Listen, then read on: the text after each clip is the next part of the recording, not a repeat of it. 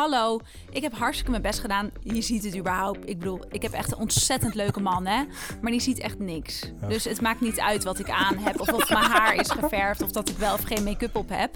Maar ik hou heel veel van hem. Ik ben heel gek op hem. Maar dan denk ik, ja, heb ik me... Ik vind wel dat je een beetje moeite mag doen, inderdaad. Welkom bij de Goed, Beter, Best podcast van Move. Mijn naam is Henk Jan en als vrolijke PKN'er zoek ik samen met de katholieke Paul en evangelische Godwin uit wat het leven nou goed, beter of best maakt. Iedere week gaan we met elkaar in gesprek en behandelen we de onderwerpen die er echt toe doen.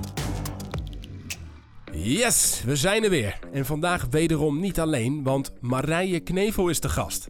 Je kunt haar kennen als adjunct hoofdredacteur van Linda en ex-deelnemer van Wie is de Mol. Op shiny laarzen en met rode haren, in de pyjama notabene, stapt ze de studio binnen om het met ons te hebben over het uiterlijk. We zijn kei eerlijk over onze onzekerheden, of iedereen knap is en hoe je op een gezonde manier kan kijken naar elkaar en naar jezelf. Oh ja, en we gaan ook eens even lekker met maskertjes en nagellak aan de haal. Listen up. Beste mensen, we zitten hier met Marije Knevel, adjunct hoofdredacteur van Linda.nl, maar belangrijker, oud studiegenoot van mij. Dat, dat weet je, dat, ik neem aan dat je je zo introduceert. uh, Is dat belangrijk dat ze aan Wie is de Mol heeft deelgenomen? Dat ze studiegenoot... Ja. Ja, Oh ja. Nee, dat, is, dat is mijn eigen poging om iets van een ego op te krikken. nog. Terwijl ik net, eh, we hebben net een hele aflevering over Jezus zitten opnemen. En eh, ons best doen om ons ego te verliezen. Ehm, maar leuk dat je er bent. Nou, dankjewel. Ja, superleuk. En eh, ja, we zaten dus net te denken, tien jaar geleden dat we elkaar voor het laatst zagen. En in, die tijd heb ik jou gewoon heel veel op Insta voorbij zien komen, maar ook op tv. Wat, wat, hoe, eh, ja, misschien gewoon even, misschien dat we het allemaal weer eruit knippen straks. Maar hoe, eh, sinds wij, wij studeerden journalistiek, Ja, Marije Knevel, daarna raakten we elkaar uit het oog. En toen, hoe, hoe is je leven de afgelopen tien jaar verlopen? Nou heb je even. Ja. Nee. Eh, hoe is mijn leven de afgelopen tien jaar verlopen? Wow, wat een vraag. Ik ben gewoon heel hard gaan werken. Ik heb eigenlijk geen leven gehad. Ik heb heel veel gewerkt. En eh, ik ben in tv begonnen. Heel veel programma's gemaakt. In allerlei rollen van redacteur tot eindredacteur. Eh, live televisie, maar ook gewoon...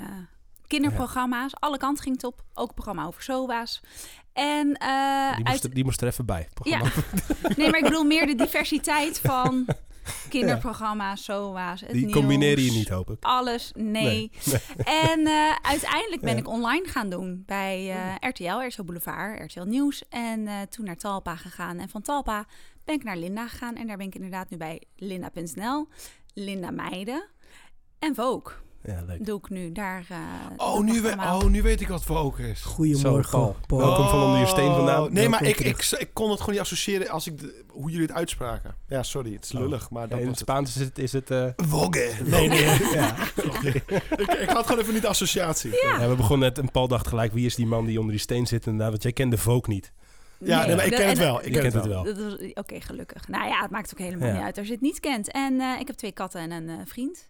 Dat is leuk. Zoiets. En je woont in Amsterdam. En ik woon in Amsterdam. Waarom Ja. twee katten? Waarom niet één? Eh, omdat ik was weg met eh, Wie is de Mol. En ik wilde al heel lang katten, maar ik durfde de verantwoordelijkheid voor katten niet aan. Dat vond ik te heftig, want die blijven heel lang leven. Een jaar of 18. En eh, Je kunt ze ook gewoon een spuitje geven. nee, nee, nee, zeker niet. Maar dat vond ik Wacht, te en jij intens. bent En toen, eh, vegetariër? Ik eet ze niet op. Ik eet ze niet op dan. Wauw. Nee. Maar ik kwam terug van Wie is de Mol. En toen eh, zei mijn vriend, kijk even onder de bank. Dat ik dacht, ik zie niks, het zal wel. Maar toen had hij twee eh, katten gehaald uit het asiel Oh, als cadeautje. En Theo de tijger en Lompie de leeuw zijn echt mijn alles. Theo de tijger en Lompie de leeuw. Wow, creatief. Ja. Eigenlijk, huisdieren hebben we. Ik kan er ook nog een aflevering over opnemen. Ja, alleen heb ik er geen. Nee, ik ook niet. Oh, Nee. oh het is zo... Ik zou zo Nee, ik heb graag geen een hond medelijden met Ik zou zo graag een hond willen. Ja? En, en ik zou heel graag een vogelspin willen hebben. Ik ben sinds ik Home Alone 1 keek, was ik gewoon gefascineerd.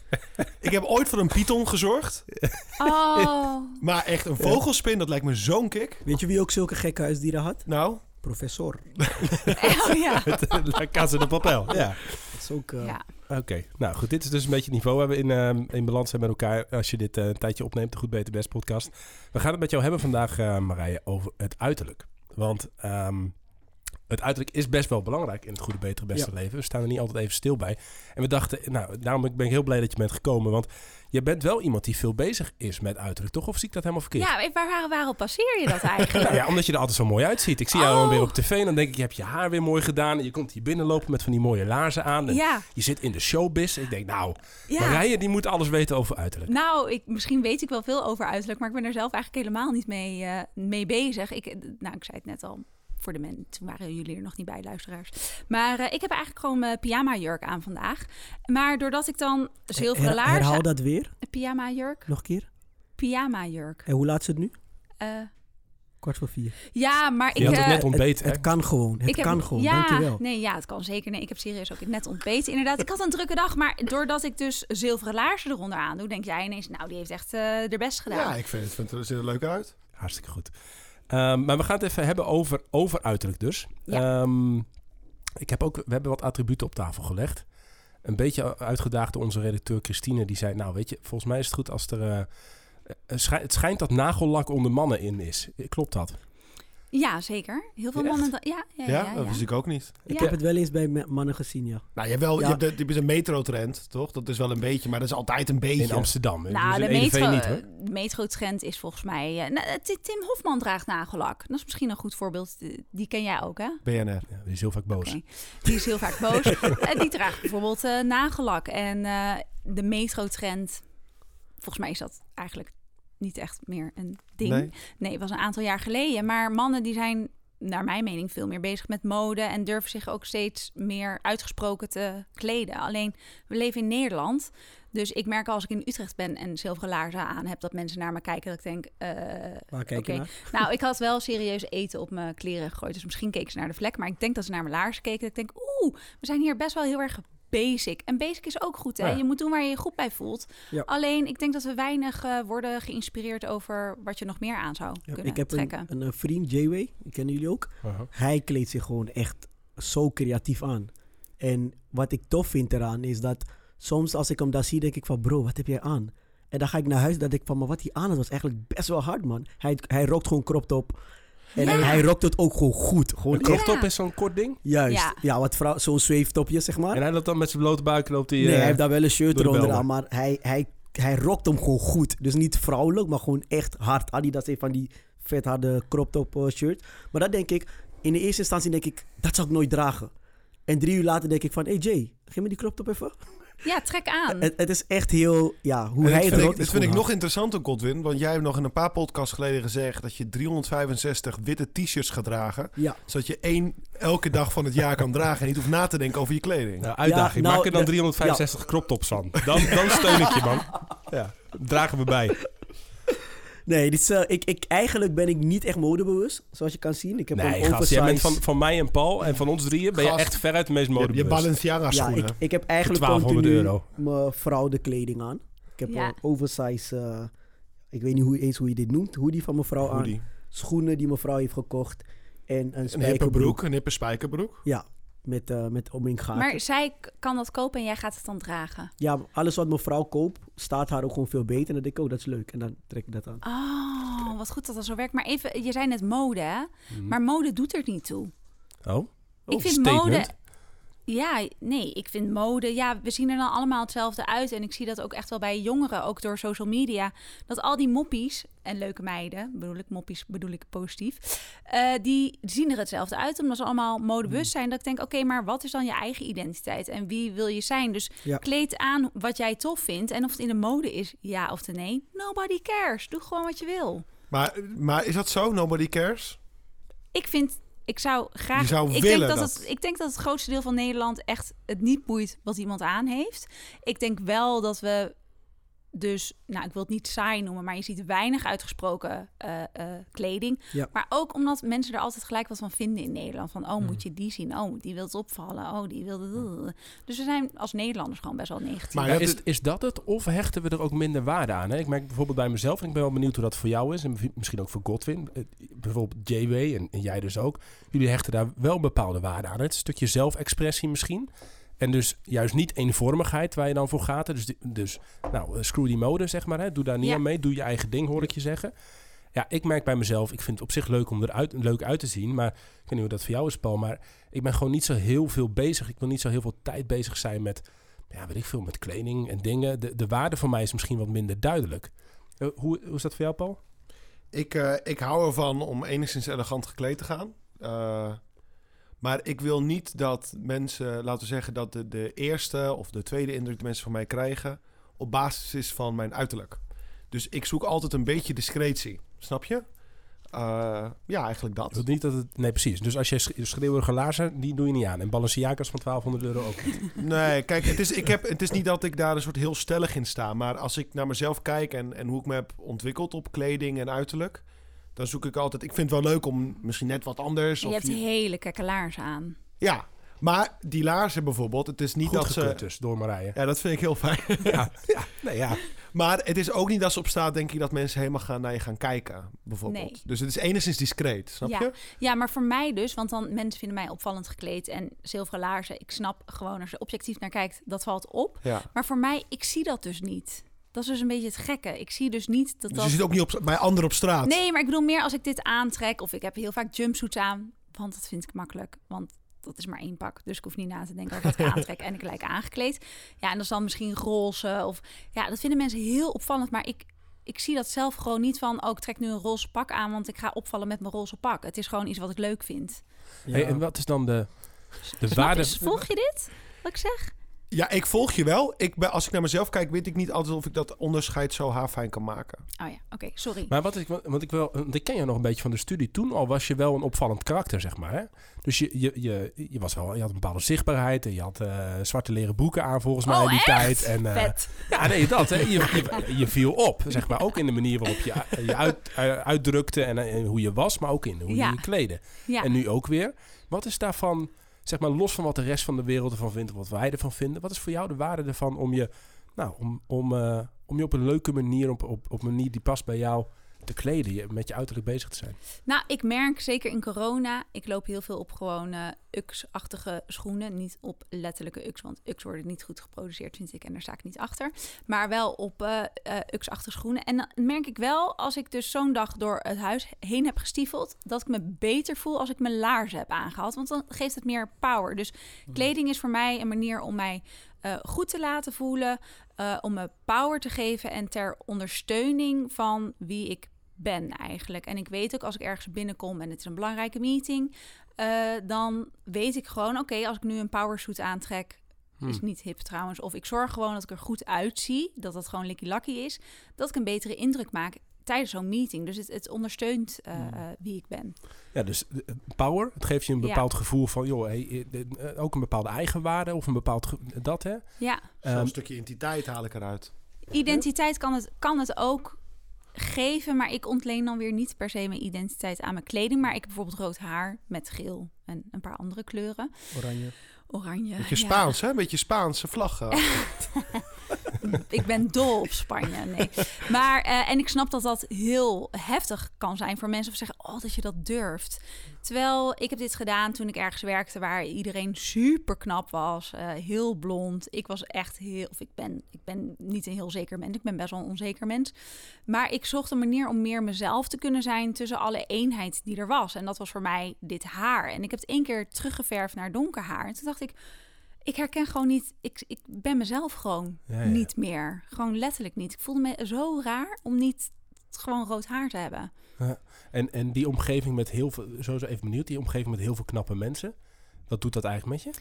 Ja, jongen, dat is echt. Ik ben, ik ben omringd door alleen maar knappe mensen. Maar wat is knap? Ja. Hè? Ja. Dat is ook. Ik bedoel, Nou ja, wat is knap? kun je Kijk, toch qua is- sociale conventie. Wat een- Nou ja, maar ik vind dat iets wat er. Dat, ik, kan, ik kan dat dus niet aan. Ik vind dat, ik vind dat heel stom dat er een.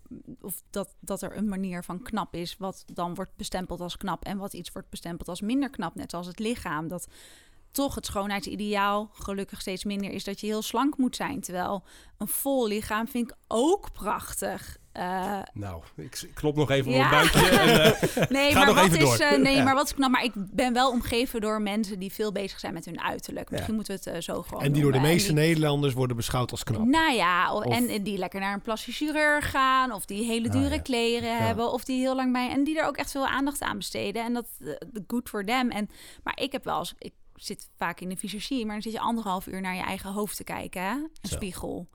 en dat dan soms Ja. meerdere keren per week. En dat is echt niet leuk om de hele tijd naar je gezicht te kijken. En het, want ik denk dan, shit, ik moet toch, ik, ja, ik moet wel even mijn wenkbrauwen een beetje gaan liften. Want ik merk dat ik gewoon te Ja. veel eh, eh, dikke oogleden krijg. Dus ik moet dat laten aanpassen. En ik merk dus als ik dan veel daar weer ben, ben ik daar ineens helemaal mee bezig. Overigens vindt iedereen dat belachelijk, hè, als ik dat En ga je ook mee met bijvoorbeeld bepaalde trends, zoals ehm, iedereen vult zijn lippen op tegenwoordig, iedereen die... Ehm, jukbeenderen vullen. Ga je Ja. heb je dan de neiging om daarin mee te gaan? Nee, alleen je hebt wel, als je er heel erg lang in ondergedompeld bent, dan word, word ik daar wel vatbaarder voor. Dat ik denk, Ja, oh, ik ga toch even een prikje Maar zetten. ga je dan Ja, we zijn jezelf sociale minder, wezens, toch? Ja, Ja. maar vind je jezelf dan minder mooi opeens, omdat iedereen om je heen dat wel doet? Nee, maar je bent er gewoon meer mee bezig met... oké, wat zou ik allemaal kunnen aanpassen... en hoe zou ik eruit zien als ik het aanpas... en word ik Ja. daar dan knapper van. Maar ik, ben, ik, ik pleit voor meer gewone, natuurlijke gezichten. Oké. oké. Ja. Maar ja, ik denk ook even, ehm, even op wat je zei van hey, wat maakt het nou uit? hè? En dat er meerdere vormen van knap kunnen zijn, zeg maar. Dat, nou, dat onderschrijf ik eh, uiteraard. Het zou best goed zijn om daar wat breder met elkaar naar te kijken. Anderzijds denk ik dat schoonheid, zoals ik er zelf naar kijk, gewoon iets is wat je wat sommige mensen meer hebben dan andere mensen. Net zoals bij wijze van spreken intelligentie of andere eh, bepaalde karaktereigenschappen. Wat dus ook een bepaalde gift is. Gewoon een cadeau wat je misschien meekrijgt of zo. En in die zin helpt het dat me soms wel eens om ernaar te kijken. Te denken, wow, is iemand die gewoon heel mooi is. Daar geniet ik van, want ik geniet van schoonheid. Ik geniet van, van mooie dingen in het leven. Dat is gewoon zo. Iemand anders is minder knap, prima. Die, die is daar niets minder om. Die is daar dat, hè. Maar we hoeven het ook niet allemaal weg te strijken en te doen en te zeggen alsof iedereen... Iedereen, maar dat vind ik soms een beetje in die beweging van mensen die zeggen... ja, ja sommige mensen hebben gewoon de genen en, en het uiterlijk... of doen de, de, de- hun moeite voor, zeg maar... om er gewoon heel goed uit te zien. En dan moet je dat gewoon erkennen en zeggen... wauw, je ziet er gewoon heel goed uit. Ja, maar ik denk dat je veel meer moet kijken, want dan zeggen mensen, oh, zie je er knap uit. Ik denk, ja, maar kunnen we niet beter zeggen, hé, hey, wat straal je vandaag? Of eh, Ah, ja. wat glow je? Of Ja, eh. Wat, wat, wat sprankel je? Of eh, wat straal je een positiviteit uit? Dat je veel meer daarnaar gaat kijken en dat dat het soort van het uiterlijk is. Van oké, wat straal je uit? Wat zend je uit? Dan En waarom alleen- vind je dat zo belangrijk? Wat is dan het... nou, wat gebeurt er als dat niet gebeurt? Nou, ik vind dat labelen van iets wat wel of niet knap is, of wel of geen schoonheidsideaal is, dat vind ik gewoon echt passé. Ik vind dat.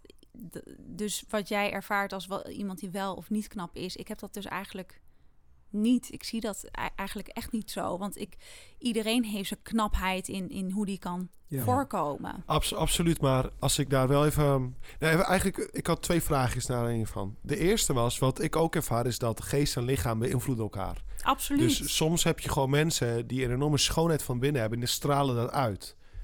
Eh, ik, denk ook, ja, ik denk ook dat het elkaar op een bepaalde manier beïnvloedt of zo. Want je ziet ook gewoon, het kan heel knappe kerel zijn, maar die, die, soms zie je, zie je ook van die foto's van, van die seriemoordenaars of zo.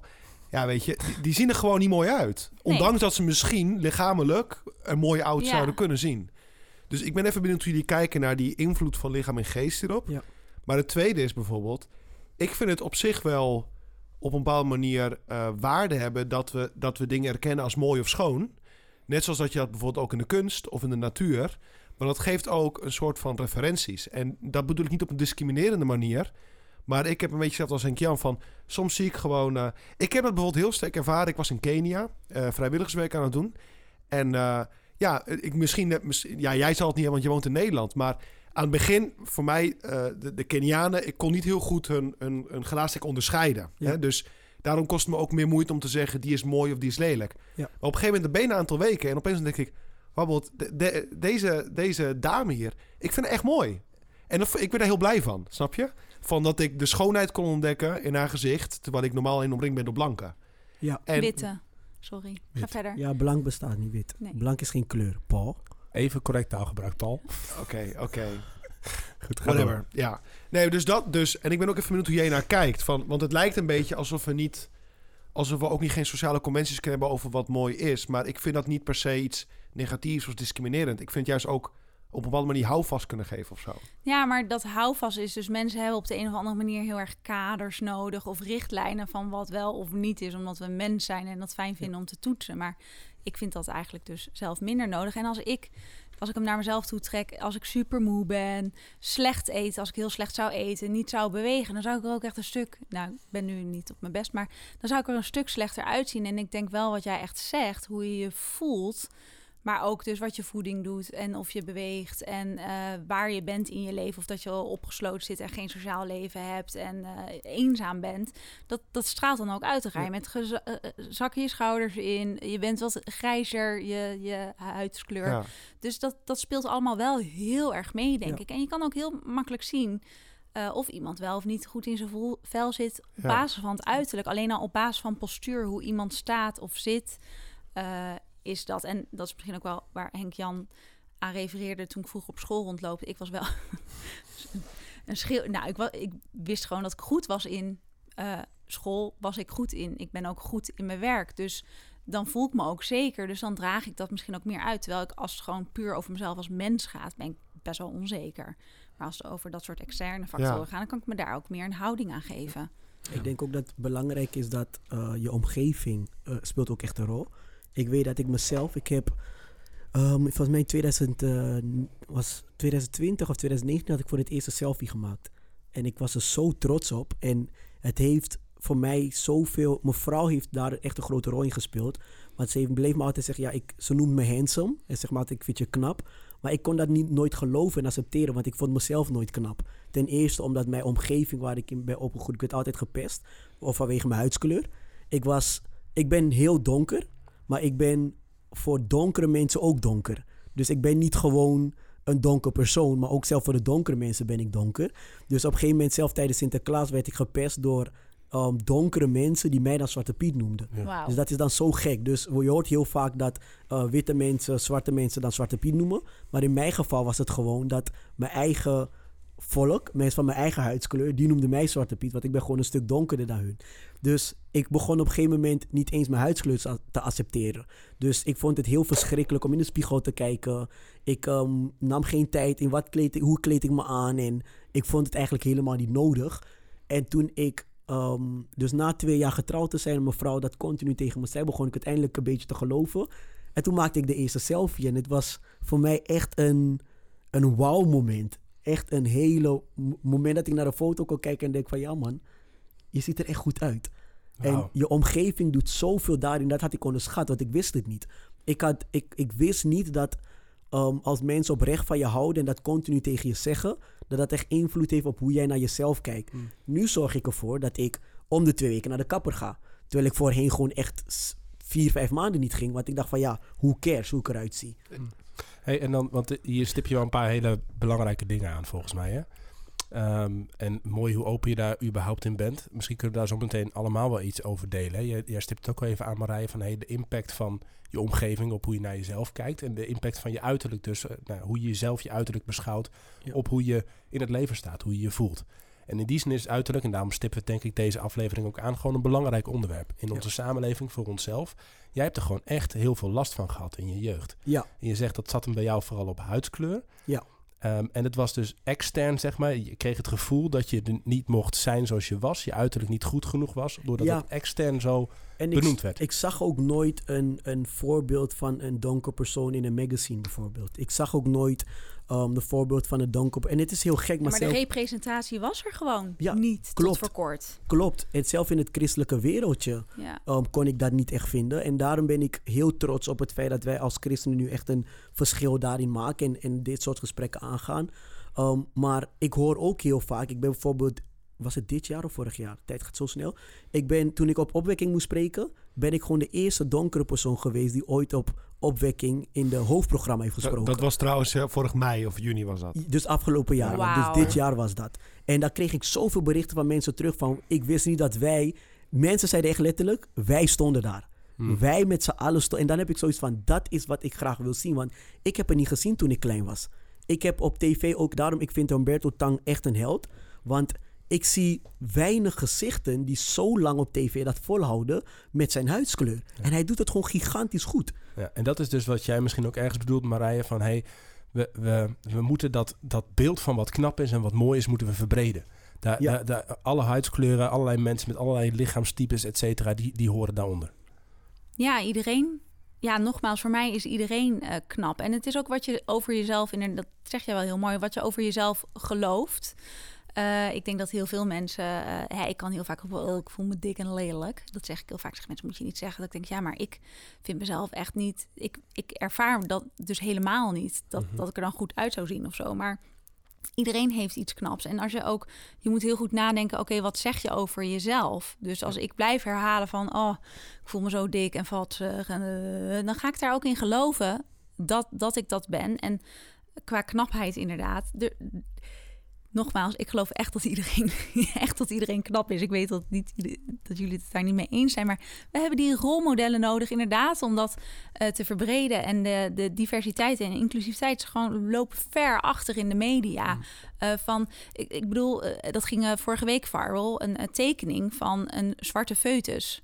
Oh ja, klopt. Ja. Ik had hem zelf wel al eerder gezien, maar heel veel mensen in mijn omgeving hadden nog nooit een Hmm. zwarte foetus gezien. Ik weet niet hoe het met jullie zit. Nee. Maar die worden eigenlijk altijd wit afgebeeld in, Ja. in de biologieboeken. Hmm. Dat is iets heel erg simpels, maar dat, dat zorgt wel al onbewust voor een bepaald soort framing. Ik denk ook als bij een gynaecoloog zit, zijn het altijd witte eh, buiken die daar staan. Hmm. Daar, in dat soort kleine dingen zit het hem al. Hey, wat, ehm, want ik ben toch ook nog wel even nieuwsgierig, want je, je stipt het ook al bij jezelf aan. Hè? Misschien kunnen we Paul en ik daarna ook, daar ook antwoord op geven. Maar eh, wat zijn de overtuigingen waar jij mee af moest rekenen als het gaat, ging om jouw uiterlijk? Waar heb je zelf misschien mee geworsteld? Nou, ik worstel heel erg nog steeds met mijn gewicht en met mijn, en met mijn lichaam. En dat komt, ik ben opgevoed in, in het Kate Moss eh, periode, zeg maar. Dus dat noemden we heroin chic. Dus dat was mager, mager, magerder. Het liefst eh, ribben tellen. Dat is, was het schoonheidsideaal toen ik opgroeide. En eigenlijk vanaf mijn middelbare schooltijd ben ik al bezig met mijn gewicht en met afvallen en diëten en dan weer sporten. En ik ben dus nog nooit, nog nooit, ik ben nu 34, ik ben nog nooit blij geweest met mijn lichaam. Gewoon niet. En ik heb ook nu het einde van het jaar sinds zicht eh, een lijstje gemaakt. eh, of heb ik gekeken naar mijn goede voornemens. En het was ook dit jaar een keer goed. Mijn lijf moet goed zijn. Maar wat is goed, hè? Mm. Maar goed voor mij. En ik, dan denk ik, ja, ik heb het weer niet gehaald dit jaar. Ik had weer geen sixpack. Het is weer mislukt. Maar ja, dat is een ideaal wat ik mezelf heb opgelegd. En ook door gewoon hoe ik ben opgegroeid. En daarom vind ik zo belangrijk dat die representatie anders wordt. dat, ja, precies, want dat gaat misschien helpen om ook anderen zeg maar, op nieuwe manieren over na te laten denken. Ja. Maar wat, wat, wat deed dat met jou? Zeg maar, Paul stipt al aan, die verbinding tussen geest en lichaam. Dus je had een bepaald beeld van hoe jouw lichaam eruit moest zien. En je kon daar niet aan voldoen. Nog Ja, steeds worstel Nog je steeds daarmee. niet, ja. Ehm, wat doet dat dan met jou? Het is heel erg frustrerend omdat je eigenlijk elke dag boos bent op jezelf. Dat je niet hebt gesport of niet goed hebt gegeten of dan weer die kleren niet past. Terwijl ik moet, ik probeer dus tegen mezelf te zeggen, joh, het is goed, je ziet er goed uit, je moet blij zijn, je moet het omarmen. Eh, en het zit al, ik weet niet hoeveel boxershorts jullie met gaten hebben, die jullie stiekem nog steeds dragen. Genoeg. Ja, zie je. Allemaal. Maar het zitten allemaal in dat soort kleine dingetjes. Oké, neem je de moeite voor jezelf om gewoon goede boxershorts te kopen, om die te dragen. In, onze, in mijn geval ondergoed. Dat ik denk, oh, dat zit goed, daar voel ik me goed bij. Niemand die het ziet. Maar het zit in van die kleine dingen, om die liefde en aandacht aan jezelf te geven. En ook in mijn geval dus aan het lichaam eh, te geven. En ehm, ik weet dat mijn lichaam, ik bedoel, als, dat is dus ook, ik lig ook soms onder vuur, omdat ik dan uit van oké, ik ben gewoon niet blij hoe ik eruit zie. Zeggen mensen, ja, maar je bent hartstikke knap en je hebt een goed lijf en jij mag echt niet zeuren, zei ik. En het gaat veel rommeliger nog dan dit, maar dat, daar komt het eigenlijk op neer. Dat ik denk, oké, dus ik mag me niet voelen hoe ik me voel, omdat andere mensen, hè, in, in, in hun eh, ogen ben ik bijvoorbeeld slank. Maar het zit allemaal in je eigen hoofd. Dat is, het he- dat is het hele issue. En ik vind dus dat het juist open Maar- moet worden besproken. Ik, ik wil je toch heel graag een vraag over stellen, want ik worstel hier een beetje mee. eh, gewoon om daar een goed idee over te vormen. Want kijk, ik heb het idee dat je uitgaat van een soort heel autonome versie van jezelf. En eh, ik, ik, ik volg trouwens je verhaal en ook heel herkenbaar. En ik, ik omarm ook heel veel dingen die je zegt. Trouwens ook over dat iedereen echt schoonheid heeft of kan hebben. Dus dat, dat wil ik even duidelijk maken. Maar we zijn ook relationele wezens. En op een bepaalde manier, in de zin van de mens kan niet in volledige eenzaamheid leven. We hebben elkaar nodig. En dat impliceert ook liefde van elkaar, begrip, acceptatie. En nu zeg ik niet dat we daarvan moeten leven. In de, in de zin van dat we heel onze erkenning moeten halen uit wat onze omgeving zegt. Maar bijvoorbeeld stel voor dat ik een, eh, een nogal dikke meid ben, oké? Eh, en ik worstel zelf met mijn eigen beeld en zelfgewicht. En dan kom jij zeggen, oh, ik voel me zo dik. Ja. En van binnen kan ik denken, ja, fuck you. Weet je wel? Gewoon puur omdat ik zo worstel met mijn eigen beeld. En hoor ik dat van Begrijp ik jou. ook, ja. En dan kan ik me voorstellen ehm, dat het is weliswaar hoe jij je voelt. En dat is gewoon hoe jij je voelt. Dus dat is geen discussie.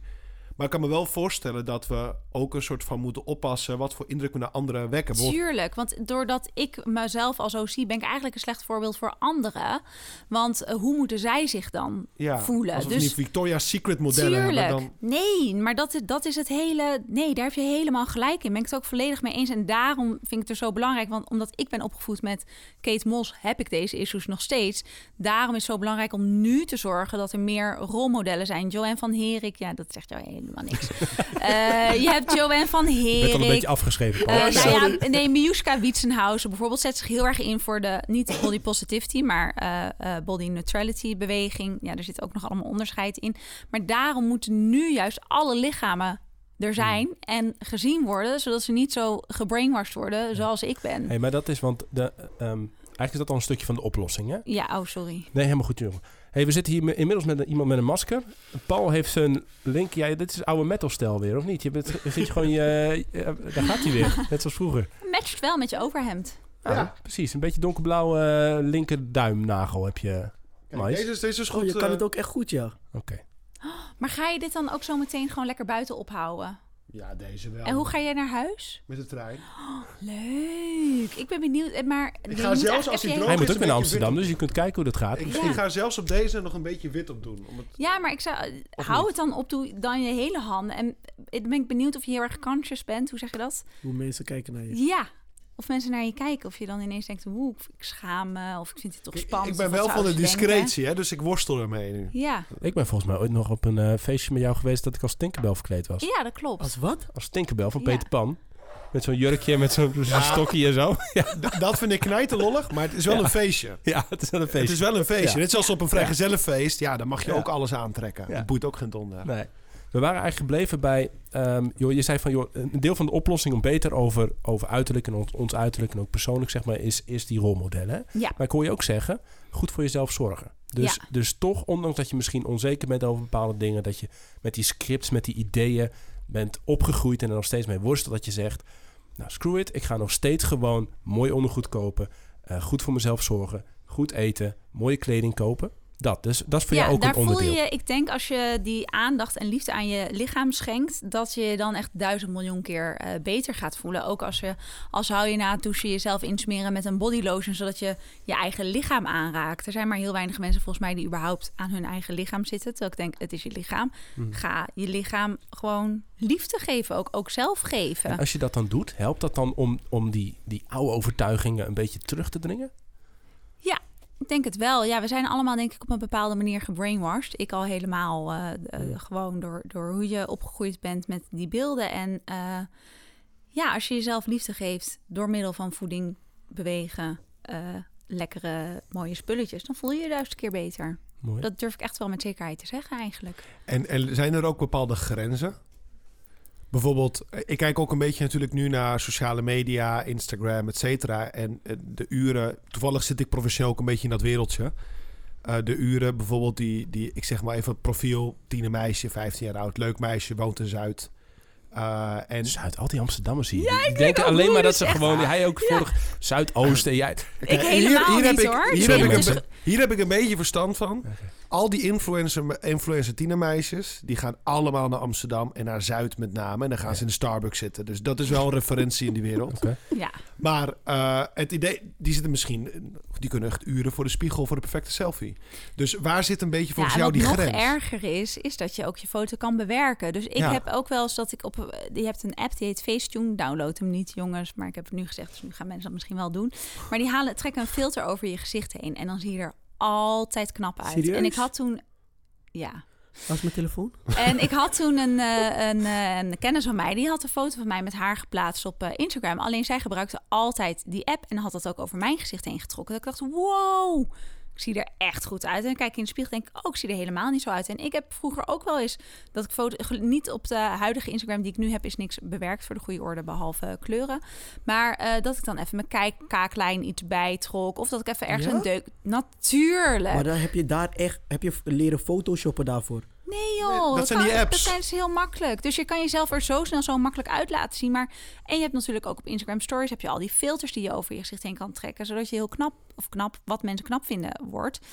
Maar je krijgt daardoor zo'n slecht beeld van jezelf. Maar er zijn nu zelfs hele behandelingen, dat heet dan een Snapchat-behandeling, dat je wordt behandeld je gezicht met eh, fillers of met botox, zodat je meer op je eigen filter gaat lijken. Ja, En- je hebt het aantal plastische chirurgische operaties onder tieners in de VS en West-Europa is exponentieel gestegen Ja. de afgelopen tien jaar. Ja, en dat komt en het is ook giftig die social media, omdat je continu professionele, is een baan influencers zijn. Ik weet dat heel veel mensen daar eh, soms een beetje denigreren naar kijken, maar het is een baan. Het is, het is hun inkomen. Die besteden daar heel veel tijd aan Ja. en ook aan hun uiterlijk. Jongere meiden willen dat gaan nadoen. Die hebben niet altijd door dat dat gewoon een baan is. En je wilt ergens op gaan lijken. Dat ik denk, maar dat moet je helemaal niet willen. Dus ik pleit er ook altijd voor de mensen die je onzeker maken.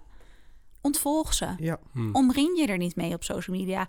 Ik moet bedrijf voor mijn werk moet ik natuurlijk heel vol- volg ik ook heel veel mensen. Maar ik, ik zat gisteren ook jankend op de bank. Dat Ik dacht, meine goede. eh, waar ben ik? Wat ben ik aan het doen? Ik ben niet eh, succesvol genoeg. Ik zie er niet uit. Nou, zo'n moment kan ik dan hebben. Dat ik denk, oh nee, maar als ik even objectief kijk, dan ben ik, eh, heb ik een hartstikke leuk leven. Ik mag echt nergens over klagen. Maar dat is dan toch wat social media met je doet op zo'n Ja. moment. En, dan- je, zegt, oh, sorry. je zegt dus eigenlijk dus, want ik probeer er altijd directe dingen uit te halen waar we, waar we wat mee kunnen. Hè? Dus, dus gewoon niet volgen. Ontvolg mensen die je onzeker maken. Ja, en ook gewoon bewust er misschien voor kiezen om dus niet mee te gaan in die flow. Dus niet te zeggen, joh, dit, eh, gewoon bewust te zijn, dit is een soort Snapchat-realiteit. Daar, daar doe ik niet aan mee. Sterker nog, ik zie jou ook wel op, ehm, dat vind ik leuk aan hoe je dat doet op socials. Ik zie ook gewoon heel vaak een beetje slechte of grappige of onbenullige dingen over jezelf posten. Hè. Dan zit je ergens eh, uit, onderuit gezakt of eh, met, eh, met, je, met je wangen opgeblazen of weet ik veel wat. Hè? Ja. Maar je lijkt er bewust mee te spelen eigenlijk, Ja. als soort tegengif, of niet? Ja, we hadden het natuurlijk. Ik heb net natuurlijk gezegd dat ik mezelf zie als eh, dik. Maar ik ben dus me daarvan bewust dat dat niet de realiteit is. En dat dat ook niet. Dat ik daarmee een, een, eh, een bar zet. Hoe zeggen we dat in, het Nederlands? De lat op een ja. bepaalde. Dat wil ik dus absoluut niet zijn en niet doen. Eh, en ik eh, vroeger, enkele jaren geleden, durfde ik niet op mijn stories te gaan als ik niet in fysiologie had gezeten. Dus ik maakte geen stories als ik niet in de make-up had gezeten. Want dan was ik niet knap genoeg om dat te delen. Nu laat ik inderdaad echt alles zien. En ook, ik draag eh, heel vaak een bril. Eh, ik, eh, ik, ik zit in mijn pyjama en dan heb ik weer een zak chips als lunch leeg gegeten. En ik deel dat allemaal om maar aan mensen te laten zien dat we allemaal mens zijn. En dat, dat je je niet ergens slecht over hoeft te voelen. Omdat we juist op social media al die knappe mensen zien die altijd perfect zijn. En om zes uur 's ochtends aan het sporten zijn. En daarna een groen sappie drinken. En helemaal fantastisch. Daarom doe ik dat echt bewust om ook anderen... oh, Niet Cool. dat ik per se een rolmodel ben, maar wel om gewoon de Ah, wel- realiteit te laten tuurlijk, zien. Daar ben je ergens wel. Ja, en Hey Paul, ik was, sorry, ik was Oh, even ja. benieuwd ook nog, want we kunnen er heel lang zeg maar een beetje op... eh, de- nou ja, jij bent ook heel persoonlijk Marije, maar we kunnen er ook heel erg boven, boven blijven hangen. Wat zijn de overtuigingen over jouw uiterlijk, Paul, waar jij misschien mee hebt geworsteld? Of was je altijd zoiets van, ah, ik, zit, ik zie er gewoon heel eh, mooi Spaans uit? Kan ja, bij mij, eh, het is... ehm, nou, met de jaren zijn het gewoon andere, andere dingen geweest. Toen ik eh 10, 11, 12 jaar oud was, eh, heb ik geworsteld met... eh, ik heb een keer een oorontsteking gehad en daar was één oor iets groter dan de ander. En dat behoorde bij best wel een complex. Ik had het idee dat ik een beetje flapoortjes had. Vond ik niet leuk. Eh, ik heb ook altijd bril gedragen. Nou, ik heb wel lenzen gedragen mijn tienertijd. eh, van mijn 14 tot mijn 18 ongeveer. Maar ook al die brilletjes. Ik was op Nederland op de basisschool de enige met een bril. Dat vond ik nooit leuk. Eh, Er is een verlengstuk van je outfit een bril, joh. Lekker veel bril. Heb je één bril of heb je meerdere brillen? ik heb één bril. Ik ben wel een heel simpel mens, hè, Marij. nee, dus dat ik heeft heb niks met bril. simpel te maken. Heeft helemaal niks met simpel te maken. Maar ik, ja, ik ben verschrikkelijk. Ik heb twaalf brillen. Ook omdat ik dan denk... Nee, maar dat is meer... Ja, brillen zijn tegenwoordig heel goedkoop, hè, ook. Maar het is meer dat ik denk... Oké, welke versie van Marije ben ik vandaag? Omdat ik heb ook een bril met een zwart montuur. En dan Ja. zie ik er gewoon heel bozig uit voor sommige mensen. Dus dan denk ik ook... Ik moet even een wat meer open bril opzetten. Nou, ik heb eh, met bril eigenlijk ook door de jaren... Kijk, nu heb ik hem even niet op, want met het, eh, het Koptelefoon. de koptelefoon vind ik het soms irritant. Maar ik heb gewoon geleerd om gewoon... Draag gewoon je bril altijd, Paul. Punt. Ja. Gewoon van niet... Soms draag ik hem niet uit gemak. Maar niet van... Ik wil hem niet meer dragen omdat ik denk... Oh, ik zie er zo beter uit. Ik wil gewoon mijn bril, mijn bril dragen. Punt. Maar een bril staat toch super intelligent? Er zijn mensen die nepbrillen dragen. Ja, I know. nee, maar- maar dat is ik heb ook Kijk, een, dit is ik heb ook, persoonlijke ik heb ook lenzen en een bril. Ik, kan, ik, die, ik heb dat me nog niet eigen gemaakt hoor. Ik heb, eh, als ik een bril heb, voel ik me ik minder, ben op mijn minder achttiende goed. ben ik bril Nou. gaan dragen omdat ik het gewoon relaxter vond. Ik heb altijd een bril gedragen. Ik had zoiets van Paul, leer gewoon, leer gewoon jezelf te herkennen en te waarderen met een bril. Zo ben je. Ja. En ik kan ook zonder bril kijken, dus ik kan hem wel uitdoen. Maar in ieder geval, dus de oren was een ding. Ja. Brilletje is ook een ding geweest. Eh, een paar jaar later waar het, eh, ik begon wat sneller te groeien in, met, in, eh, in, in mijn tienertijd. Maar mijn voeten groeiden eerst wat sneller dan eh, mijn lichaam. dus toen had ik een enorm complex over mijn Ja. voeten. Ja. Dat ik, ik wilde daarom ook, was ook een beetje de mode toen. eh, dat waren, tenminste in Spanje, dat waren van die broeken die, die aan het einde wat meer opener zijn. Dus dat ze lekker zakken over mijn schoenen. Zodat je mijn schoenen wat minder zag. dus dat heb ik ook gehad. Eh, maar daarna, eigenlijk van mijn 14, vanaf mijn veertiende, toen werd ik ook, eh, ik begon te groeien. Ik had eh, blond haar, woonde in Zuid-Spanje, had lang haar. En eh, ik begon ook wel succesvol te worden onder de meisjes. Dus, eh, en ik was in de metalmode en met spijkerjackie. En ik vond dat gewoon, ja, ik weet niet. Ik was toen, er was een tijd dat ik me gewoon heel goed voelde. Wat Wat dat heerlijk. Wat Ja. fijn. Ja, dat was heel fijn. Eh, Dat was heel fijn. Maar toen eigenlijk, toen was ik 18, ik ging studeren. En toen draaide het ook een beetje, nou niet om, maar meer van dat ik daardoor ook misschien wat minder waarde aan hechtte. Niet helemaal niet. Ik heb er altijd wel wat waarde aan gehecht. Maar sindsdien had ik zoiets van, nou, ik vind het, ik vind het leuk om er knap en goed uit te zien, enigszins. Maar ik heb ook altijd heel veel op mezelf geleerd dat ik dat niet te belangrijk vind. Hmm. Uh, dus daarom heb ik soms ook wel bewust gekozen uh, om te zeggen: Oh, dit kledingstream vind ik gaaf. Dat ook. Die is wat discreter. Weet je wat? Ik ga die discretere kopen. Ja. En dat vind je misschien heel gek. Nee, maar, nee, nee. maar ik deed dat juist omdat ik, ik, wilde, ik wilde gewoon op een gezonde, gebalanceerde manier. Hey, Maar is dat dan ijdelheid? Of wat, wat, wat, wat- hè? Ja. Hoe zit dit? Dus ijdelheid, ik wilde aan de ene kant waken voor een te grote ijdelheid, als Ja. je het zo wil zeggen. Maar ik wilde ook waken dat ik te zelf van mijn zelfbeeld wilde putten uit uiterlijk. Oh ja. Dus daarom, wat ik belangrijk... Die dus- identiteit wilde je niet helemaal laten afhangen of Ja. te veel laten afhangen. Zeker als je merkt van, nou, je bent succesvol eh, Ja. onder de meisjes uit Spanje, et cetera. Dat is, nou, dat is op zich prima. Ja. Maar op een gegeven moment wil ik ook, ik wil uiteindelijk ook niet ten eerste eh, nog gewoon vrienden, familie, maar ook een meisje wil ik niet. Ik wil natuurlijk wel dat ze me, dat ze me knap vindt op een bepaalde manier. Maar ik wil ook dat ze echt naar mijn innerlijk kan kijken en dat het knappe niet in de weg staat. Je wilde gewoon Hey, niet te en- knap worden. Nee, nee, het is echt. Ja, ja, het maar is echt even, daarover nog. Ik weet niet of jij dat weet, Marije. Maar eh, Paul leeft celibatair in een, eh, in een gemeenschap, in een katholieke gemeenschap in Amsterdam. Nee, dat wist ik niet. Ja, Ehm, dus, en- uite- dus uiteindelijk heb ik alles eh, geschonken aan God, ja. Dus, Ja, nee, maar heeft dat, heeft dat nog invloed, zeg maar? Hè? Want ik, heel veel, zeker, zeker als je... Nou, wij, wij zijn allebei getrouwd. Je hebt een lange relatie volgens mij, Marije. Dus dan wil je er op zich goed uit blijven zien voor je partner. Maar ja, die, die, die, die, die is er op een gegeven moment ook gewoon weer... Die zit toch aan je vast. Dus, maar als je, nog, als je nog echt op jacht moet, zeg maar, hè, dan doe, doe je extra je best vaak. Heb jij, heb jij op een gegeven moment... Schilderde het voor jou, is mijn vraag. Dat je op een gegeven moment kon denken... hey, ik hoef toch geen... eh, ik hoef toch niet te scoren, even plat gezegd. Of ik hoef toch geen levenspartner. Maakt, maakte dat nog uit? Uh, n- nee, ik denk het niet. Ik denk dat ik al dat ik sinds ik die keuze heb gemaakt, dat was op mijn 16, 17 ongeveer. Uh, ik ben 32, dus, dus nee, ik, uh, ik heb altijd geprobeerd. Want het is ook niet dat je niet meer gevoelig wordt voor uiterlijk of voor wat andere mensen van je denken. Of dat, uh, dat je merkt dat een, dat een meid uh, uh, op een leuke manier naar je glimlacht of zo. Daar blijf je ook gewoon gevoelig voor. Ja. Nou, ik denk als ik over mezelf spreek. Nou, ik vraag het even, want ik zit even terug te denken. Ik denk dat het voor mij wel wat verschil was. Hoor. In de tijd dat, eh, sorry Vera, maar in de tijd dat we nog zeg maar dat ik je nog echt helemaal moest vero- veroveren of dat ik achter andere meiden aan zat voordat ik Vera kende, deed ik toch wel vaak wat beter mijn best als ik ergens de kroeg in ging of dat. Was Ja. dat je Ja. best doen? Wow! Shots. Shots fired. Shots. Ik, Nou, heb wel, ik ja. heb wel één dingetje daarover. Ik merk nu wel bijvoorbeeld... Nou, je begint ook een bierbuikje. Ik begin een bierbuikje te krijgen en zo.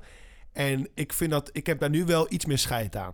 Ja. Ja? Dus er zit een bepaalde balans in. Van ja, zwaar. Weet Ik- je? ik- Elk, elk jaar huwelijk is toch een kilo ik, nee, erbij? ik heb toch juist, ik heb juist zoiets van, ik ben nu getrouwd met een hele prachtige vrouw. Dus Oh. ik ga ervoor zorgen dat wanneer wij naar het strand gaan, Dat gewoon zij denkt van, hé, mijn man is gewoon, je weet toch, kast, sixpack.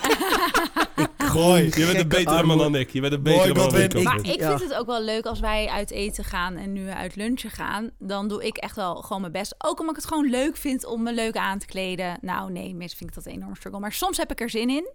En dan vind ik het ook leuk als hij even niet weer die trui aan heeft. Maar even overhempie aantrekt. En zo simpel is het. denk ik, oh man, hottie. Maar dat is, dat is een leuk... Ja, ik, ik weet niet of je daarna... Maar ik wil het toch even aankaarten, want ik vind Ja. het heel interessant. Oké. Ja, nee, ga Ja, je. je hebt net iets gezegd wat me heel veel triggert. Oh, want nee. je, het Oh, laat nee. zien, je kleden... Ja. Kijk, soms denken we alleen maar aan onszelf. Ja. Maar het is ook een manier om respect aan anderen te geven. Absoluut. Dan denk ik, hallo, ik heb hartstikke mijn best gedaan. Je ziet het überhaupt. Ik bedoel, ik heb echt een ontzettend leuke man, hè. Maar die ziet echt niks. Ja. Dus het maakt niet uit wat ik aan heb. Of of mijn haar is geverfd. Of dat ik wel of geen make-up op heb. Maar ik hou heel veel van hem. Ik ben heel gek op hem. Maar dan denk ik, ja, heb ik me... be- Ik vind wel dat je een beetje moeite mag doen inderdaad voor Ja, maar elkaar. misschien is zij een beetje moeite dat hij in plaats van die vieze shirt heeft gepakt, wel een schone shirt. Nee, dit telt die allemaal niet. boxershort Wat je- zonder, zonder gaten aan Ja. gedaan. Of die boxershort met gaat zit gewoon heel lekker. Ja. Ja. Nee, dit telt allemaal niet. Je mag gewoon even hempie aantrekken. Maar mijn punt is Moeten ook... mannen, moeten, even- Oh. moeten mannen evenveel eh, aandacht aan hun uiterlijk besteden als vrouwen? Of is dat juist een beetje verwijfd? Nee, dat is niet verwijfd. Je moet doen wat je gewoon zelf wil en waar je blij Ik, van ik wordt. zou willen meer dan die vraag. Ik zou zeggen, moeten de vrouwen misschien niet iets minder aandacht schenken aan hun uiterlijk? Halleluja.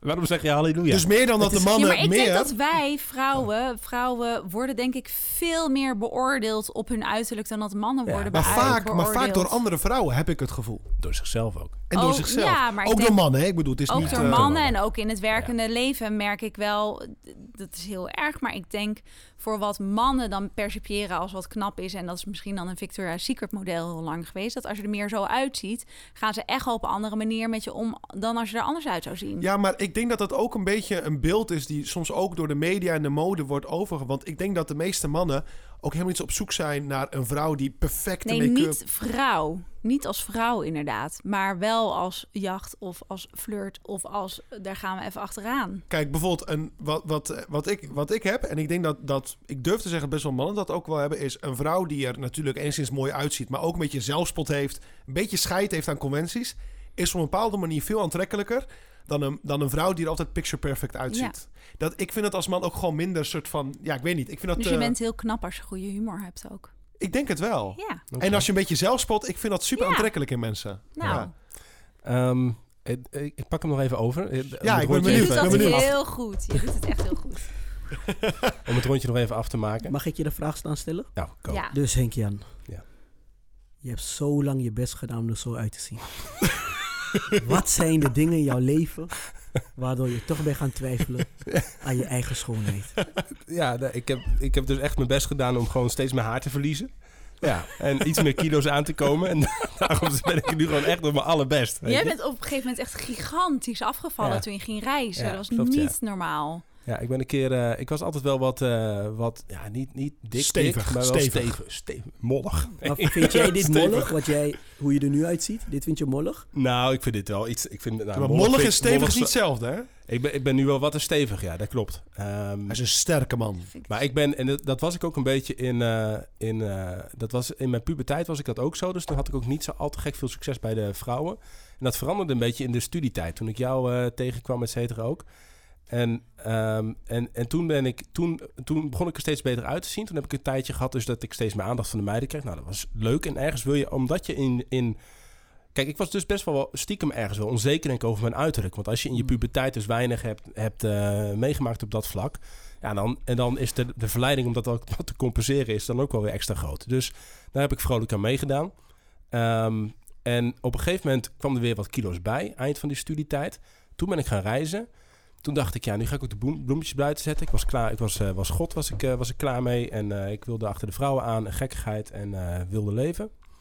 En toen ben ik in Australië, Indonesië, ben ik inderdaad in twee maanden tijd ben ik 20, 25 kilo Zo. afgevallen. Maar Waar was je onzeker over dan? Over jezelf? Nou, gewoon over mijn gewicht en eh, mijn bril. En, en eh, het is niet dat ik me per se heel lelijk vond, maar ik was, ook, ik was gewoon wel ontevreden daarover, denk ik. En Maar in doe- Australië heb je ook al die Beach Boys, toch? Dus dan heb je ook weer... Ja, je zit dan ook een beetje in zo'n backpacker cultuur Ja. nog. Je wilt ook een beetje de bloemetjes buiten zetten, dat. En ik was ook wel gewoon dat gewicht een beetje zat, soort van. Dus, eh, en dat ging toen eigenlijk best wel heel makkelijk. Ik heb gewoon twee maanden lang geen avond ge- gegeten en ondertussen veel Serieus? andere dingen gedaan. Ja. Ja, geen kip. En, Nee, en bier in Australië is ook duur, volgens mij. Ja, dat, nou ja, dat. En uiteindelijk begon wel weer te zuipen. Dus dan, toen kwam het wel weer aan. Ehm, maar en, nee, dat, eigenlijk, nee, eigenlijk heb ik dat wel een paar jaar eraf geha- gehouden. En dat is ook wel een tijd geweest dat ik dus meer met uiterlijk bezig was. En meer met mezelf uitdrukken. En ook wel meer met flirten en vrouwen en, eh, en, en, en dat hele verhaal. Ehm, en mezelf toen ook wel een stuk knapper vond. En het dus ook belangrijker vond of zo. Hè? Dus Ja. en, en vervolgens is er weer een beweging gekomen... waarin ik veel meer begon met het opbouwen van mijn leven... en van mijn carrière. En mijn relatie met Vera ontstond. En ik vond mijn weg weer terug naar God. En, en ergens in die tijd zijn andere dingen weer belangrijk geworden. Dus het is ook een beetje wat je aandacht geeft... en wat je belangrijk vindt, zeg maar... dat bepaalt dan een deel van je identiteit, denk ik. N- nu zit ik op een, op een punt dat ik denk... ja, ik wil er op zich wel goed uitzien... maar ik accepteer ook wel...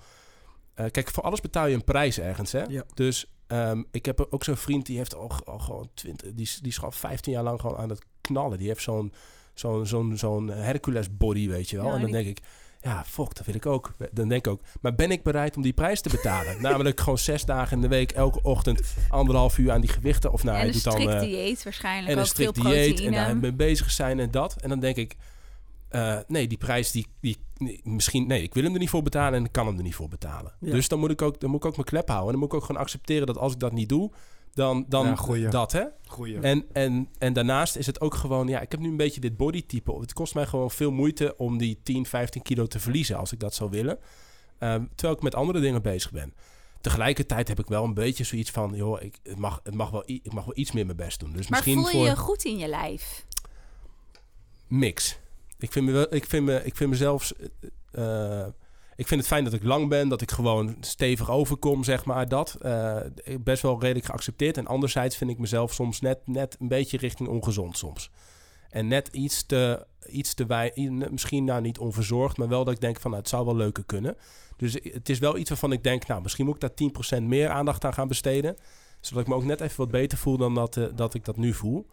En, in dat gezonde stukje, hè, want je kunt ook alles wel accepteren van nee, iedereen, dat is ook wel, nou, daar mag je ook wel zorgzaam op zijn of zo ergens. Dus daar kan ik nog wel in groeien. Dus het is wel een, het blijft een soort worsteling, zonder dat ik dat nou op hetzelfde niveau ervaar als toen ik 18 was of 24. En het, het wordt wel wat rustiger, want je hebt nou eenmaal je leven opgebouwd. Je hebt ook je identiteit, die vind ik ook in geloof en in relatie en mijn succes en, Ja. en, en, mijn, en mijn bedrijf en al dat soort zaken. Dus ehm, dat. Ja. En, ik, en ik weet niet hoe jij dat ervaart, en jullie, maar ik heb het idee dat er onder de een beetje de mannencultuur, tenminste, is het ook veel meer dat mensen ook al veel meer aanspreken, ook op bijvoorbeeld een bierbuik. Ik, je, Oh ja. weet, je wil niet weten hoeveel. Ik heb. Ik hoor zo vaak van mensen dat ze een grapje maken. hey, bierbuikje. we, we, we. Dus je wordt als man. Dat, sommige mensen denken dat het meer misschien onder vrouw. Maar als man Gebeurt het ook? gewoon? gebeurt het best wel Nou, veel. Ja, dus, ik heb dus ja, en dat, ik ben, nou ook wel, ben wel eens een keer eh, ruzie gehad of uit een appgroep gestopt met, met mijn beste vrienden onder meer omdat die, weet ik veel, die waren... Mannen zijn daar gewoon lomp in, weet je. Dus die, dus die hadden een foto, een foto van mij met mijn bierbuikje aan het zwembad. en, en, dan bleven, en, en bleven ze maar een paar dagen... Hij lacht iets te hard, die Godwin. Ehm, dus daar bleven ze maar over doorgaan. En toen dacht ik, ja, ik zit, dit, dit deed wat met me, zeg maar. Dus toen ben ik Ja. gewoon uit die appgroep gestapt. Maar de grap is, we, we Ja. lachen erom, want het, Ja. is, het heeft Ja, iets het is ook grappigs. grappig. En achteraf denk ik, Henk, ja, moet ik nu ook wel lachen weer. Omdat ik ook dacht van, dat was wel heel gevoelig ergens. Ja, ik wilde net zeggen. Ja. Ja, maar het is niet dat mannen stoer Ja. hoeven te zijn en niet Ja. ongevoelig hoeven te zijn Ja. voor dat soort grapjes natuurlijk. Nee, Dat ja, dus, even- dus maar we- dat is wel een beetje de dynamiek die je hebt. Want Ja. je moet, het, je moet het allemaal maar slikken, zeg maar. je, je moet Dat. incasseren altijd als En toen man. dacht ik, ja, dit, dit, en toen dacht ik echt, ik ben er ook klaar mee. Ik heb, ik heb, ik heb een hartstikke leuke tijd nu. En, eh, en, eh, en ik merk dat het op mijn humeur impact heeft. Dus fuck jullie, ik stap wel uit die appgroep. ja. Heerlijk. Er is één ander onderwerp wat ik eigenlijk nog wil bespreken. Waar ik wel even nieuwsgierig ben. Wij kwamen elkaar op de Christelijke Hogeschool tegen, zeg Ja. maar. Marije Knevel, nou, eh dan ja. kun je ook iets bij jouw vader voorstellen. Die, eh, eh, dat, hè. Wij zijn christen. we klinken als een mop. Evangelisch Godwin, PKN en Henk-Jan en eh, katholieke Paul. Ja. Komen in een podcaststudio, et cetera. Zullen we het nog eens even hebben over wat dat christelijke wereldje... hoe, hoe we daar eigenlijk omgaan met, met uiterlijk. Voordat we dat doen, dacht ik nog even... want we hebben heel veel besproken, hè. Even de, de, nou, de lessen die we hier misschien uittrekken... voor dat goede, betere, beste leven nog even op een rijtje zetten. Nou, ik hoorde ehm, in ieder geval, zeg maar... we hebben allemaal bepaalde scripts en overtuigingen... die zijn gevormd door de dingen die we zelf zijn geloven... en door onze omgeving. Het helpt als je vrouw twee jaar lang tegen gaat zeggen... je bent handsome... Ehm, het helpt als we zeggen... ehm, de- het, het idee van, van, van wat een mooi uiterlijk is... van wat goed eruit zien is... is veel breder dan wat we misschien denken. Dus Ja. eh, zwart, eh, eh, wit, dik, dun... Alles, alles kan en mag, zeg maar. En de schoonheid proberen te waarderen. Ik weet nog altijd dat er een meisje was, Priscilla... eh, die oh, toen ik 15 was zei... Wat heb je mooie ogen? Ah. Dat. Gewoon terwijl... Ja. Dat, hè? Eh, simpele dingen kunnen gewoon helpen. Ja, Ehm, ja mooi. En ook over jezelf zeggen. Hè? En ook dus over ook de gedachten die je over jezelf hebt. Ja. En je moet ook aware zijn, dat is gewoon het ideale veranderen.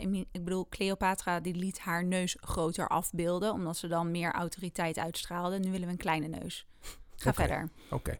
Nou, ehm ander ding was toch goed voor jezelf zorgen. Ondanks al je Ja. overtuiging. Wat jij zegt, Marije, gewoon trek die mooie bo- boxershort aan. eh, Godwin zonder gaten.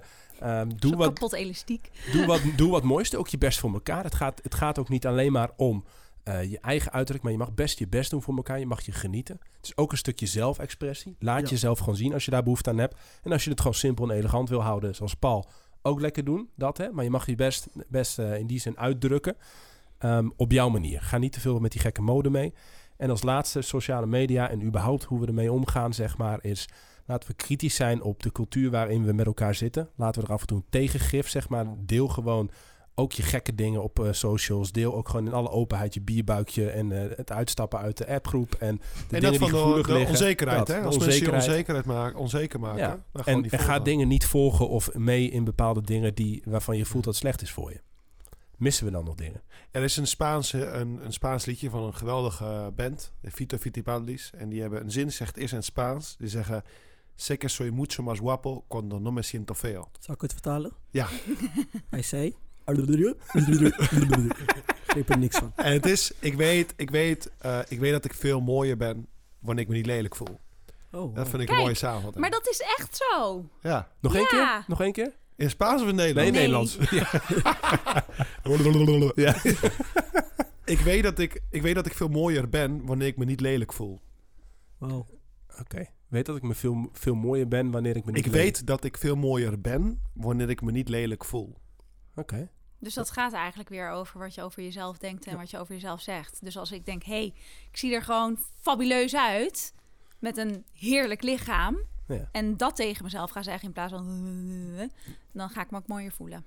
En daar kun je ook wat mee? Dat kun je, daar kun je... Ik doe dit elke avond, zeg ik tegen mezelf, hoe leuk en geweldig ik ben. Voordat ja, maar ik echt ga als een tegengif. Ja, doe ik elke avond als ik ga slapen. En dan, dan ben ik aan, allemaal dingen tegen mezelf aan het zeggen. Hoe leuk ik ben. Om je, om je onbewustzijn even in te pompen. ja, zo. nee, echt. Dat is serieus als tegengif. Ja, oprecht. Wat goed zeg. Ja. Nou, eh, dat zijn mooie dingen. Ehm, eh, nog één ander onderwerpje dan, want we zitten hier in een eh, goed christelijke podcast. Ehm, Nee, christelijk, hè? Niet christelijk. Christelijk. Ik zeg altijd christelijk. Christelijk. Ja. Lekker. Goed. Ehm, eh, eh, wat zijn de, de... Er zit ook nog wel verschil in, in, dus in hoe je daarmee om moet gaan, zeg maar, als... Nou, eh, ehm, hoe vinden we dat we als christen moeten kijken? Of misschien, Mm. nou, ik weet, ben jij nog christen, eh Marije? Ik zou, ik mezelf niet... Nee, is helemaal niet persoonlijk. Ik zou mezelf denk ik niet als christen definiëren. Misschien fluïde. Telt dat? Eh, ja, oh, maar dat? dit is echt een heel ander verhaal weer. Ik geloof, ik geloof absoluut, maar niet in de vorm zoals eh, christelijke mensen, Mm. denk ik, geloven. Dus ik, ik, en waar geloof je in dan?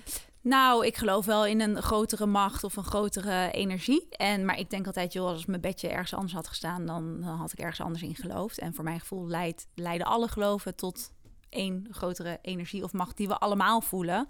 En proberen te definiëren om daar maar houvast aan te hebben. Hmm. En wat het dan wel is, weet ik niet precies. Maar ik kom een eind met het christelijk hoor. Ja. Oh, leuk. Het is eh, precies dezelfde ehm, uitleg die eh, Rico ons gaf. Ja, we hadden, Ja. voor- we hadden vorige week eh, Oh. een aflevering met Rico van Opgezwollen over eh, Oh, ja? verslaving. Die, vond, die heeft zijn, zijn hoge god als zijn hogere Ja. macht gevonden en echt een wonder meegemaakt. Zegt hij ook zelf in het, in, eh, nou, in het loskomen van zijn, eh, al- zijn verslaving. En dat waren er nogal wat. Ehm, zonder dat hij dat nou per se inderdaad als christelijk Ja, of zo ja. definieert. Ja. Hij nee, zei- want ik kan wel bidden naar God, maar het, het- ja, of ik bid wel. Ja. ja, ik doe dat allemaal wel, maar dit- ja, het- Ja. ja. je kan het God noemen. Hoe heb je dat eigenlijk? Want je bent wel in het christelijk opgegroeid, zeg maar. ja, maar heb- heb je nog een uur voor een podcast? Ja.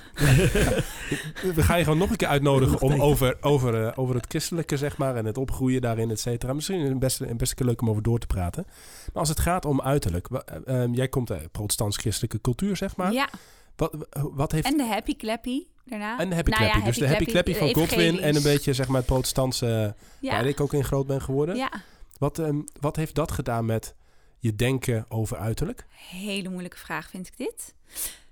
Ik vind dit echt zo'n moeilijke vraag. Mag ook wel, Mag hè? ook even over nadenken hoor. Oh, ik weet dat niet zo goed. Ik, Voel je je bij- bijvoorbeeld oncomfortabel als je korte rokken aan had in het begin? nou ja, ik je- heb twee moedervlekken op mijn bovenbeen. Mhm. Ja, ja, ja, jongen.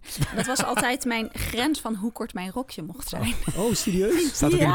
Bijbel. Jeremia 15 hè? En ik had natuurlijk, ik had natuurlijk, eh, ik, had, ik had rokken. Ik bedoel, ik liep in rokken en jurken altijd rond eh, op, op zondag. Ja. En eh, ik, ehm, ik zie nu natuurlijk ook iedereen crop tops eh, dragen en mijn nichtjes ook. Dat ik denk, wow, als ik dat vroeger had geprobeerd, dat had echt, eh, echt niet gekund. Dus ik ben wel opgegroeid dat ik me moest bedekken. Maar eh, even voor de goede orde, ik was vanaf mijn veertiende gothic en heb toen ook een wenkbrauwpiercing genomen. En eh, Paul veert even op. Gothic! Ja, Ja! ja mooi. Ja, ja, ik- ik man, ik het zit er volle bak Ja. in. Ja, mooi. Ja, joh. Dus ik had corsetten aan, jurken, de hele, hele shebang. Eh, ja. Ja, maar, maar, maar in ieder geval dus het soort van wel zedelijk een beetje kleden, hè? ja, man. Dat, dat, Heb ik nog steeds- nog? Ja. Ja, heb ik dus nog steeds. Ah ja. Zo Maar- irritant. maar- ja, vind je dat, ik net vragen, vind je dat vervelend? Ja, vind ik echt heel irritant. Waarom? Dat is trouwens niet zozeer door mijn ouders gekomen, even voor de goede orde. Dat komt gewoon Want door, eh door de die kleden zich altijd vrij onzedelijk. Of... Nee, nee, nee. Ik bedoel meer dat het niet met mijn opvoeding van mijn ouders heeft te maken. Want die zijn fantastisch. Maar ehm, ik, heb, ik heb bijvoorbeeld, dan zie ik een, ehm, weet ik veel, iemand eh, naast me zitten in de kroeg eh, met een heel mooi corset aan. Wat misschien dan wel bloot is, maar Ja. niet per se heel erg seksueel. Want dat, ma- dat is iets wat wij ervan maken. En ik, oh, ik vind dat echt prachtig. En ik wou ook dat aan kon trekken. Maar dan denk ik ook gelijk aan al die christelijke mensen die me dan echt Wat gaat ze zeggen? kapot maken. Ja, Ja. Kapot maken. nou ja, kapot. Ik ben met mijn borsten bloot gegaan op Instagram. Ja, ik zag het, ja. Vond ik echt heel spannend. Maar ik dacht, maar dit moet gewoon. Want Want? Want eh, ik, ik bedoel, het, het zijn twee. Kijk, het is mooi dat ze geseksualiseerd worden aan één kant. Dat dat het vrouwelijke is en waar mannen van kunnen genieten. Maar aan de andere kant denk ik, joh, we kunnen het ook overseksualiseren. En het is, borsten zijn niet altijd seksueel. Soms wel, maar niet altijd. Dus in dit geval ging het over borstkanker. Hmm. En dan toch kunnen mannen het nog eh, seksueel maken. Hm. Ja, mannen. Krijg en je veel negatieve reacties? Nee, ja ik, ja, ik heb heel veel volgers gelo- eh, verloren. Ik denk eerlijk gezegd dat dat toch wel deels mijn christelijke achterban is geweest.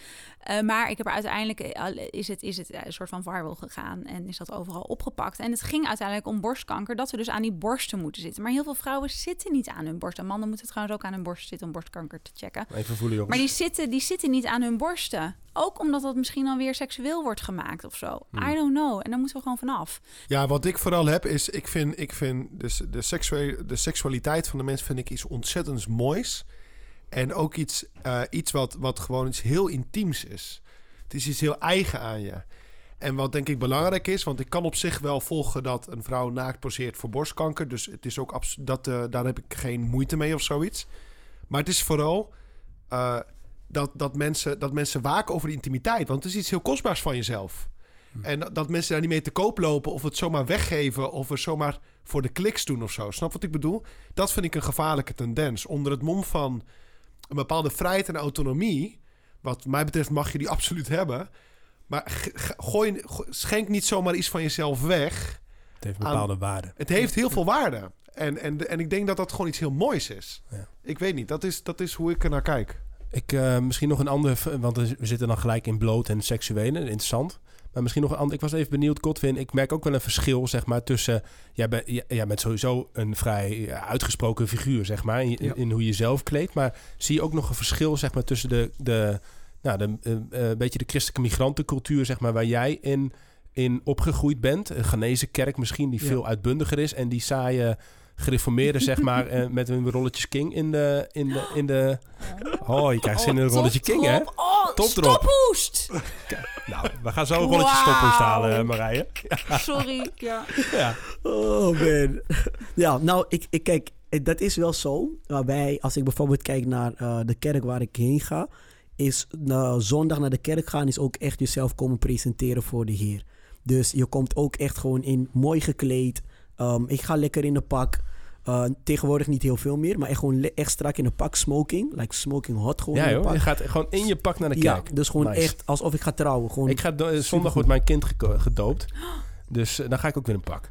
Heerlijk. En als ik met jou een keer naar de kerk ga, dan kom ik in pak. Ja, maar het is wel it. grappig, want eh, de Revo... Oh, Ja. ik weet niet of dit slippery slope is. Nee, maar eh gereformeerden die moeten natuurlijk inpakken. En ik moest een jurk aan. En dat was niet zozeer voor eh, God, maar dat was vooral voor de gemeente. Omdat je anders kapot Ja. werd gemaakt. Ja, nee, dat hebben wij dus Dus dat is echt een groot verschil. Dus wij hebben. ehm, wij, wij komen eigenlijk omdat we zoiets hebben van: kijk, ik kom God vandaag eren. En ik kom naar mijn vader toe. En als ik naar huis kom, dan wil ik er netjes uitzien. Ehm, ik kan ook gewoon in mijn spijkerbroek naar de kerk. Doe ik ook heel vaak met een t-shirtje aan. En iemand die me raar aankijkt. En als je dat wel doet, ben je gek.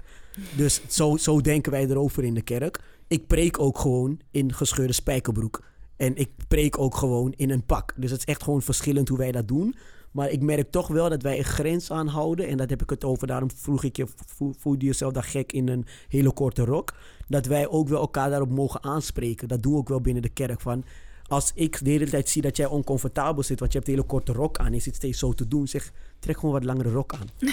ja. Dan zit je niet zo oncomfortabel. Want één, niet de hele kerk kijkt naar je. En twee, jij voelt je oncomfortabel. En je hebt alleen jezelf ermee.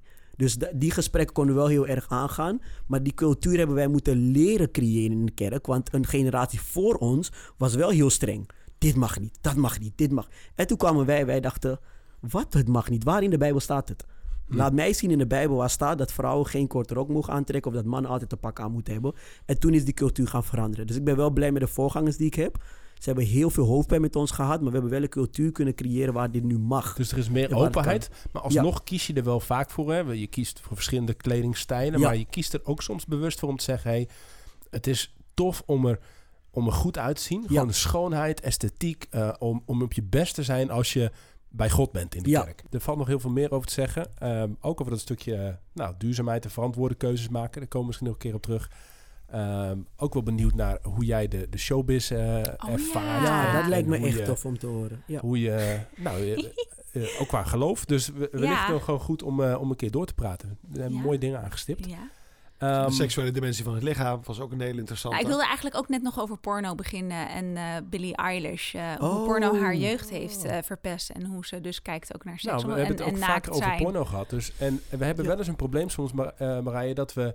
We maken een podcast waar best wel steeds meer mensen naar luisteren, et cetera. Maar we zijn ook wel een beetje van die drie van die gasten Die bij jongens. elkaar. Ja. Dus misschien moeten we je gewoon vaker uitnodigen. Bijvoorbeeld over zo'n onderwerp als porno. Vind ik Ja. Heel Weet je dat ik altijd dacht dat vrouwen nooit naar porno keken?